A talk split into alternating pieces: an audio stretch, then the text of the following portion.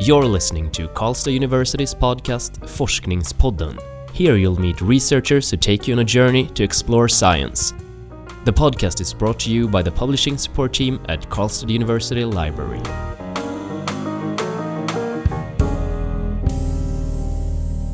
Hi and welcome to a new podcast episode of Forskningspodden. My name is Nadia And I'm Magnus.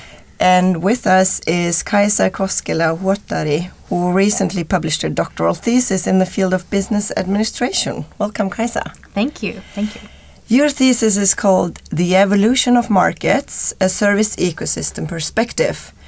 And being a natural scientist myself, my first curious question is what the concepts of evolution and ecosystem mean in the context of your thesis. Mm, yeah, so I'm interested in how social phenomena evolve.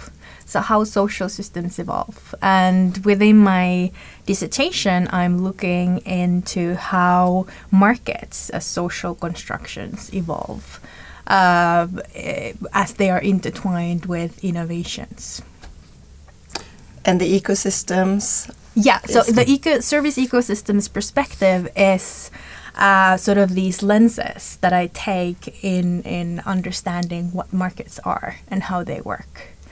So it's it's more of a, a systemic understanding of how we work, how human beings co-create value together.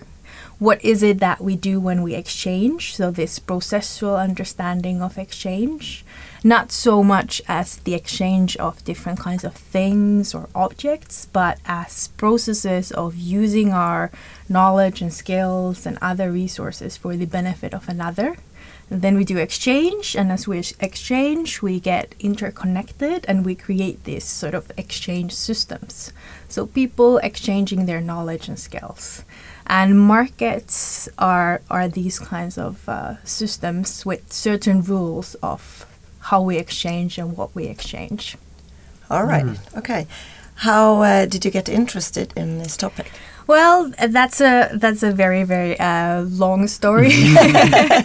so I, I was first interested in, in innovations and how do you do uh, innovations together with customers, um, and um, then when I've been I was working in in Finland uh, for. Um, VTT Technological Research Center there, and I was working with a lot of companies. Um, uh, and then I met uh, Professor uh, Steve Vargo, who is the kind of the father of service dominant logic, which is this new way of thinking about uh, value creation that originally stems from marketing, but is now kind of much broader and applied across disciplines. So I met him while I was, while I was working with VTT, and I got interested in his ideas and how those could be then applied when we think about innovations. And um, then sort of the the subject or the topic or the theme got bigger and bigger because then when I was looking at innovations, there was this realization that when we innovate, there is already always existing solutions, existing ways of doing things. And there is this interaction between our new ideas and the existing ways of the, doing things. Okay. Do you have an example? Well, um, let's think of a, a new, uh, like a, a market disruption that is going on currently. We can think about, for example, Airbnb, how they are changing the ways we, you know, book uh, hotel rooms or, or accommodation when we travel.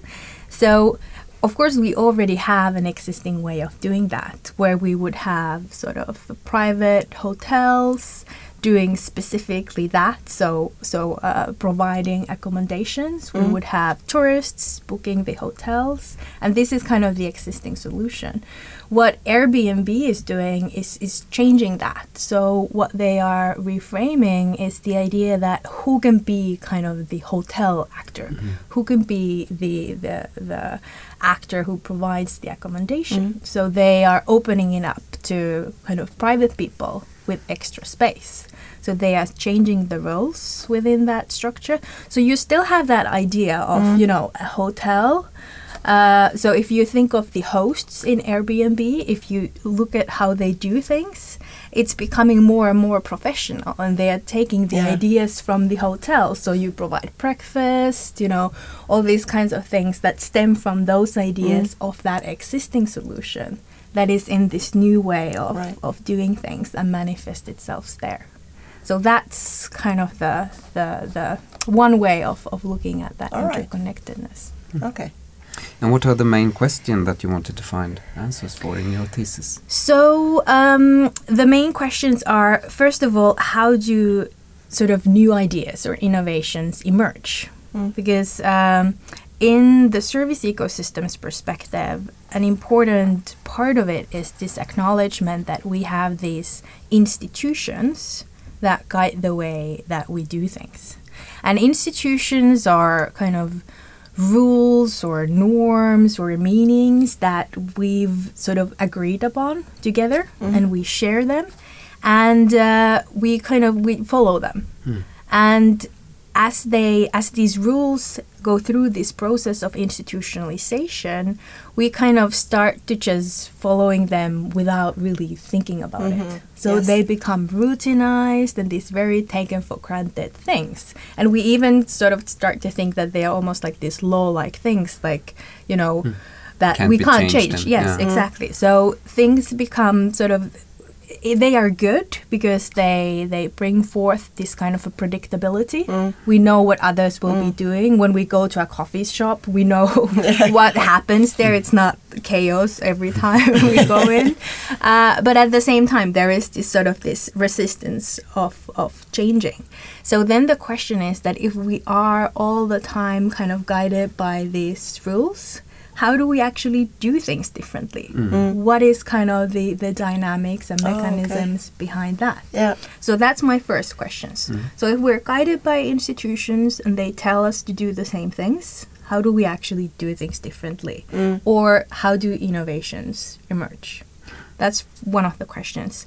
Um, then the second question is that okay, so if there is a change, how do these changes or innovations then become institutionalized mm. and Right, become okay. these again these rules that we just We've almost blindly it like follow that. Mm. yeah so it is this process of how do new things emerge and how do those new things become institutionalized and kind of the context again for the new things to mm. emerge so a very processual evolutionary way Right. but looking at sort of social uh, elements or social constructs yeah And as you're uh, within the service uh, sector, were you Mm. interested in, in di different aspects of it, or Mm. in a more general way, or Well, the interesting thing with the service ecosystems perspective is that you don't have to be looking at phenomena that uh, exist in this traditional services sector.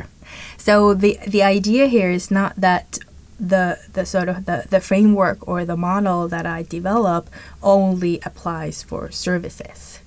Because the, the the whole point of here is that we actually rethink exchange and everything becomes a service exchange in that. So whether I'm uh, let's think of this book that I've so we have here the physical book.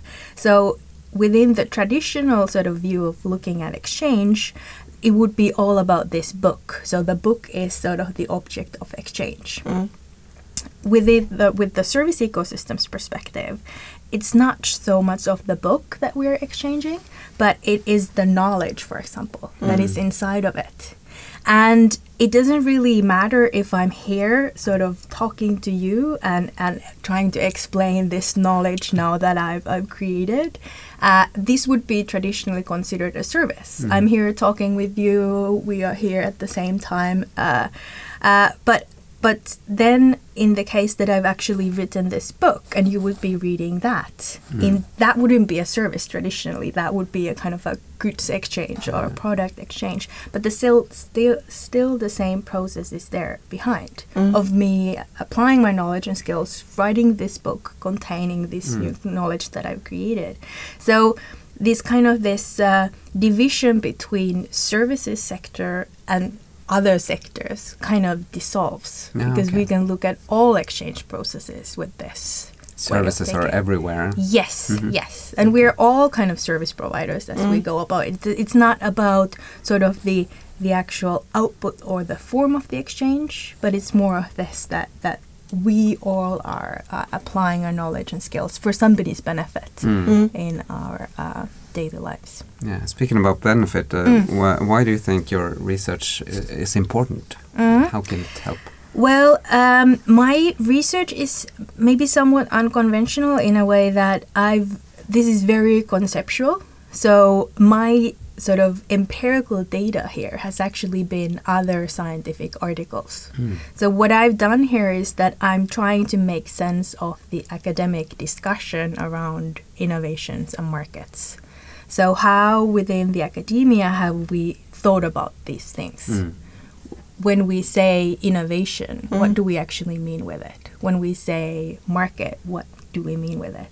And the interesting thing is that in the discussion, you can find so many different ways of hmm. meanings for these words. And we use the same words and we mean very different things.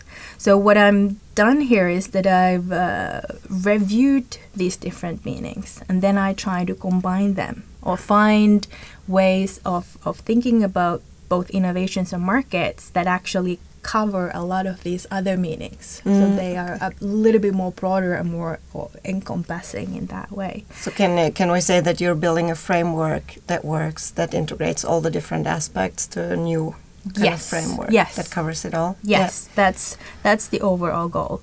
So then it is more, you know, it's more for the academic audience what I'm doing here.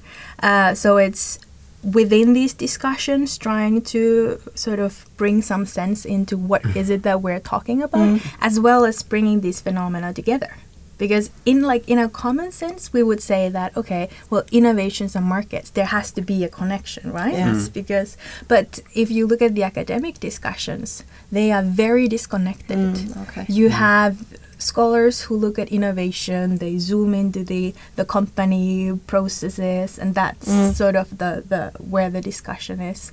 Then you have scholars looking at markets who never discuss about innovation so the Yeah. markets are something completely different and separate so hopefully with my work i could also kind of bring these two discussions closer together and sort of have more of a uh, cross-disciplinary discussion Yeah. Okay. around them.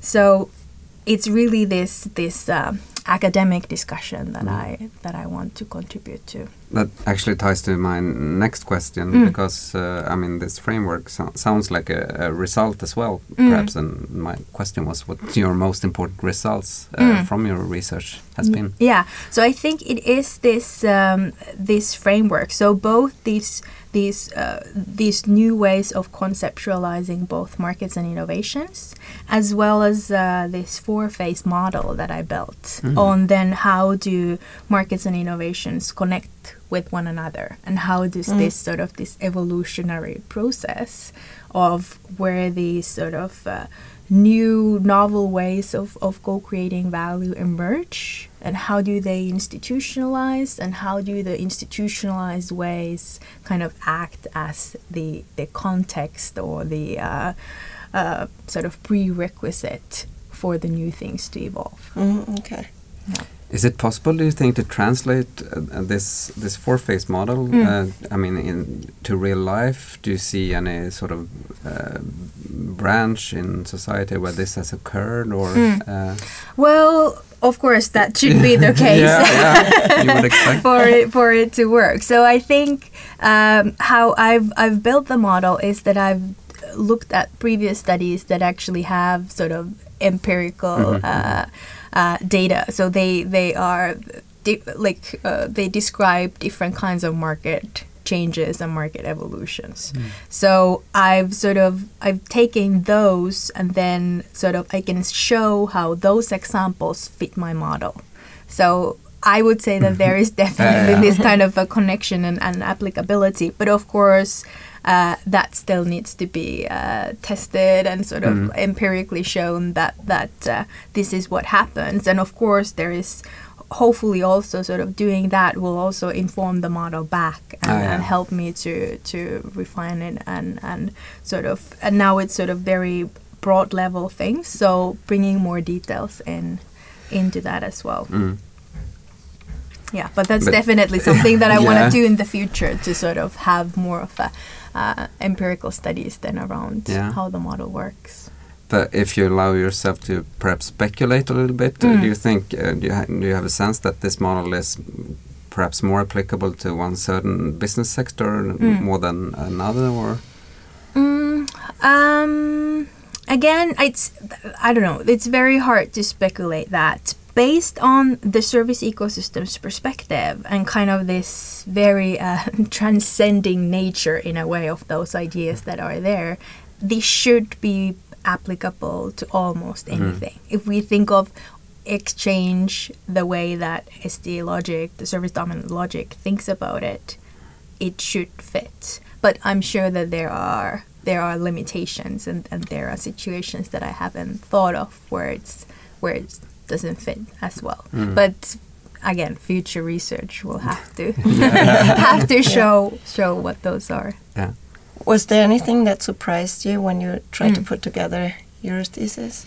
Mm, well, of course, like of course, there's the thesis process and the writing process and everything. That that's kind of a one thing. Um, but um, I meant more Yeah. in your results Yeah, part when yeah. you were looking at the. Um, well, I don't know. I, I felt like it was surprising how it was, in a way, it was possible to put different studies looking at markets as very different things Mm. and then sort of looking at different processes within them how it was actually sort of you know you could see this bigger story behind Mm. them and actually fit them in the model so in a way that was a that was a nice uh, nice process to sort of uh, go through and, and see but then of course we need to sort of do more research on it uh, to see Mm. whether it actually holds and, and what parts of it still need some development More but- meat. yeah, yeah Yeah. yeah exactly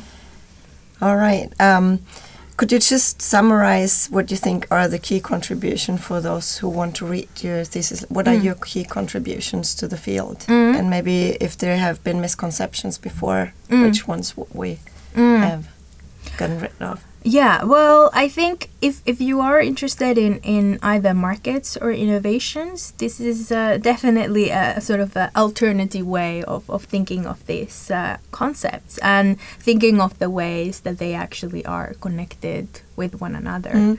Um, so I think that would be um, the key thing uh, within my work. And I also want to emphasize sort of a, maybe a more practical implication here is that we usually think that these are very firm driven processes Mm. and, and the firms are the key actors. And I'm not saying that they don't have a role, they certainly do.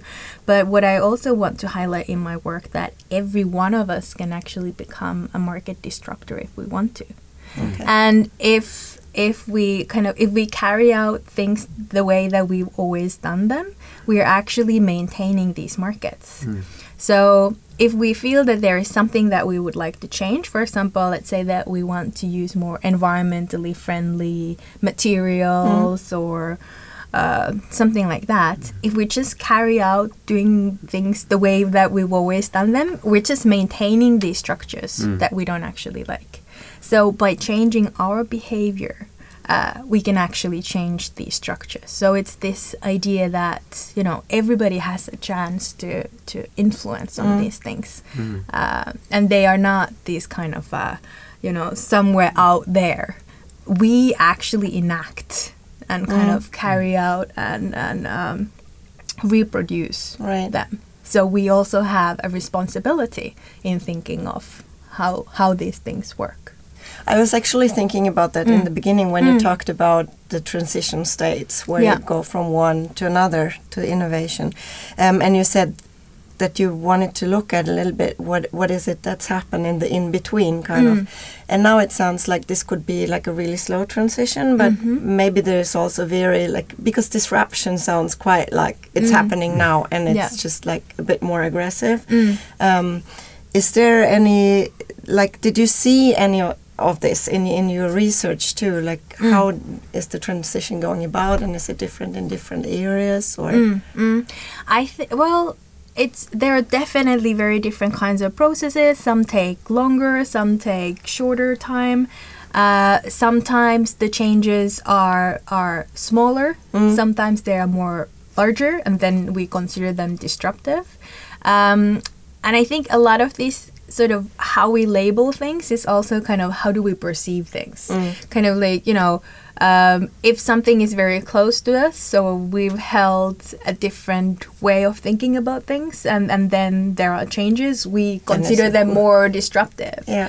Uh, also, I think like in a way, all these changes start the same. They start quite small and Mm. take. They might take time, and it's only when we kind of usually we only realize afterwards hmm. that something big Oh, has yeah. happened, Yeah. and then we call it a disruption. Okay. So it's actually it's very, in a way, difficult to you know study these processes as they are just starting or ongoing because we don't really know that. Understand Yeah. time, so we yeah, almost have to have the outcome Right. before we can understand that something was actually going on Okay. all the Yeah, time. yeah. So that makes it a bit tricky to conduct uh, sort of empirical research. But of course, that's that's possible to do. Then you just Mm. Just to go backwards. yeah, yeah, and all different kinds of like archival studies would be a very good way to sort of studying these different uh, processes. Mm, Mhm. Right. Okay.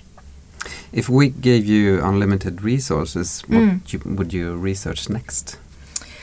Ooh, that's a good question. I, I would definitely want to continue with this model and with kind of the framework that I've uh, developed here. And then I think it would be really cool to just take a look at, you know, different kinds of markets or ways of, of co-creating value and then really follow up these processes very longitudinally. I think then you would really get that sort of that meat around the, the, the framework. All right. Mm.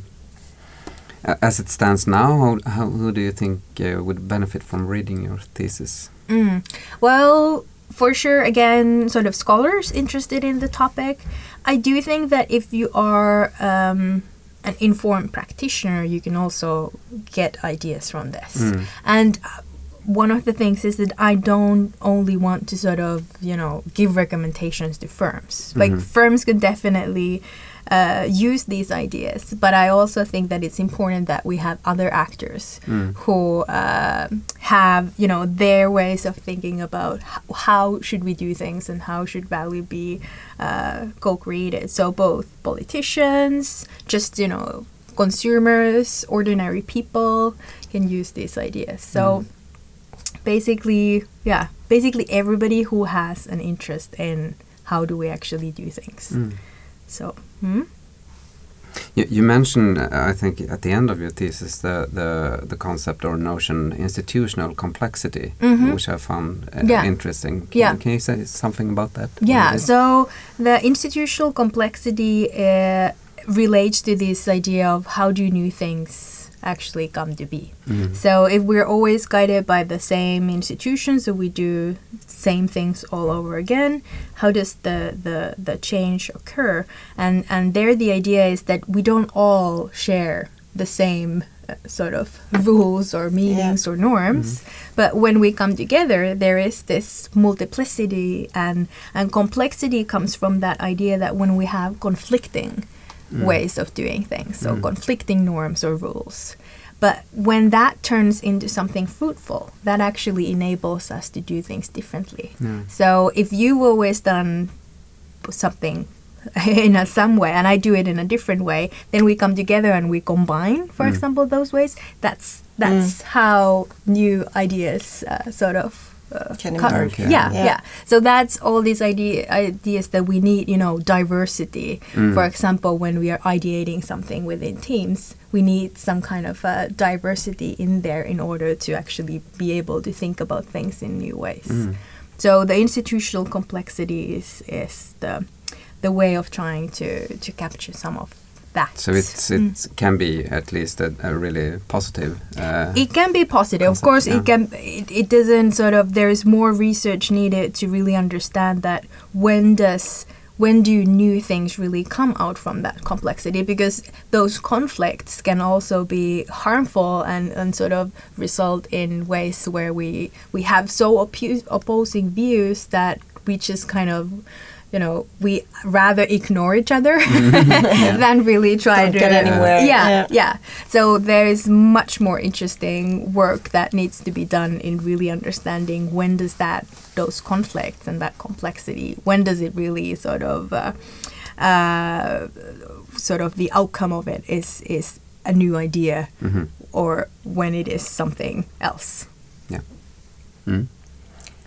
I think our time is Yeah, running up. I so. so we're coming to the last question, which would be um, what do you reckon is the best thing about being a PhD? If we Mm. have listeners that maybe want to Mm. prompt for one. Yeah, for me, my my sort of the years that I was a PhD stu- student was really nice because I felt like I was in a way very free to explore and learn new things and didn't have a lot of kind of other pressures. I could really focus on the research and and sort of uh, learning more about things that I found interesting in. And and of course, in order to do that, you also need good support and good supervisors. And I felt like I had that. So I had people who were able to sort of help me and and show me, you know, take a look at that or study a bit more of that or see what this discussion is about. Uh, so really sort of showing me the way, but at the same time giving me sort of uh, Space. space to do my own thing as well. So I felt like that was really like looking back sort of the, the best part. It can be also scary because when you're not so sure, you can kind of you feel like you're getting lost in this jungle of things, but uh, usually in the end you will you will find your way through that. I think there needs to be this kind of a little bit of uh, confusion and, and, and sort of maybe too many things, and but somehow in the end it usually converges into this Something good. one idea that you will then take forward. Great. You will find your way. I think that was great. Final words. Uh, uh, big thanks to you, Kaisa, for talking with us today, and good Thank luck you. with your upcoming research. Uh, thanks also to you uh, as listeners for uh, listening in. We will soon be back with new episodes of Forskningspodden. Stay tuned. You have listened to Karlstad University's podcast Forskningspodden. The podcast is brought to you by the publishing support team at Karlstad University Library. All episodes can be found at kau.se slash forskningspodden.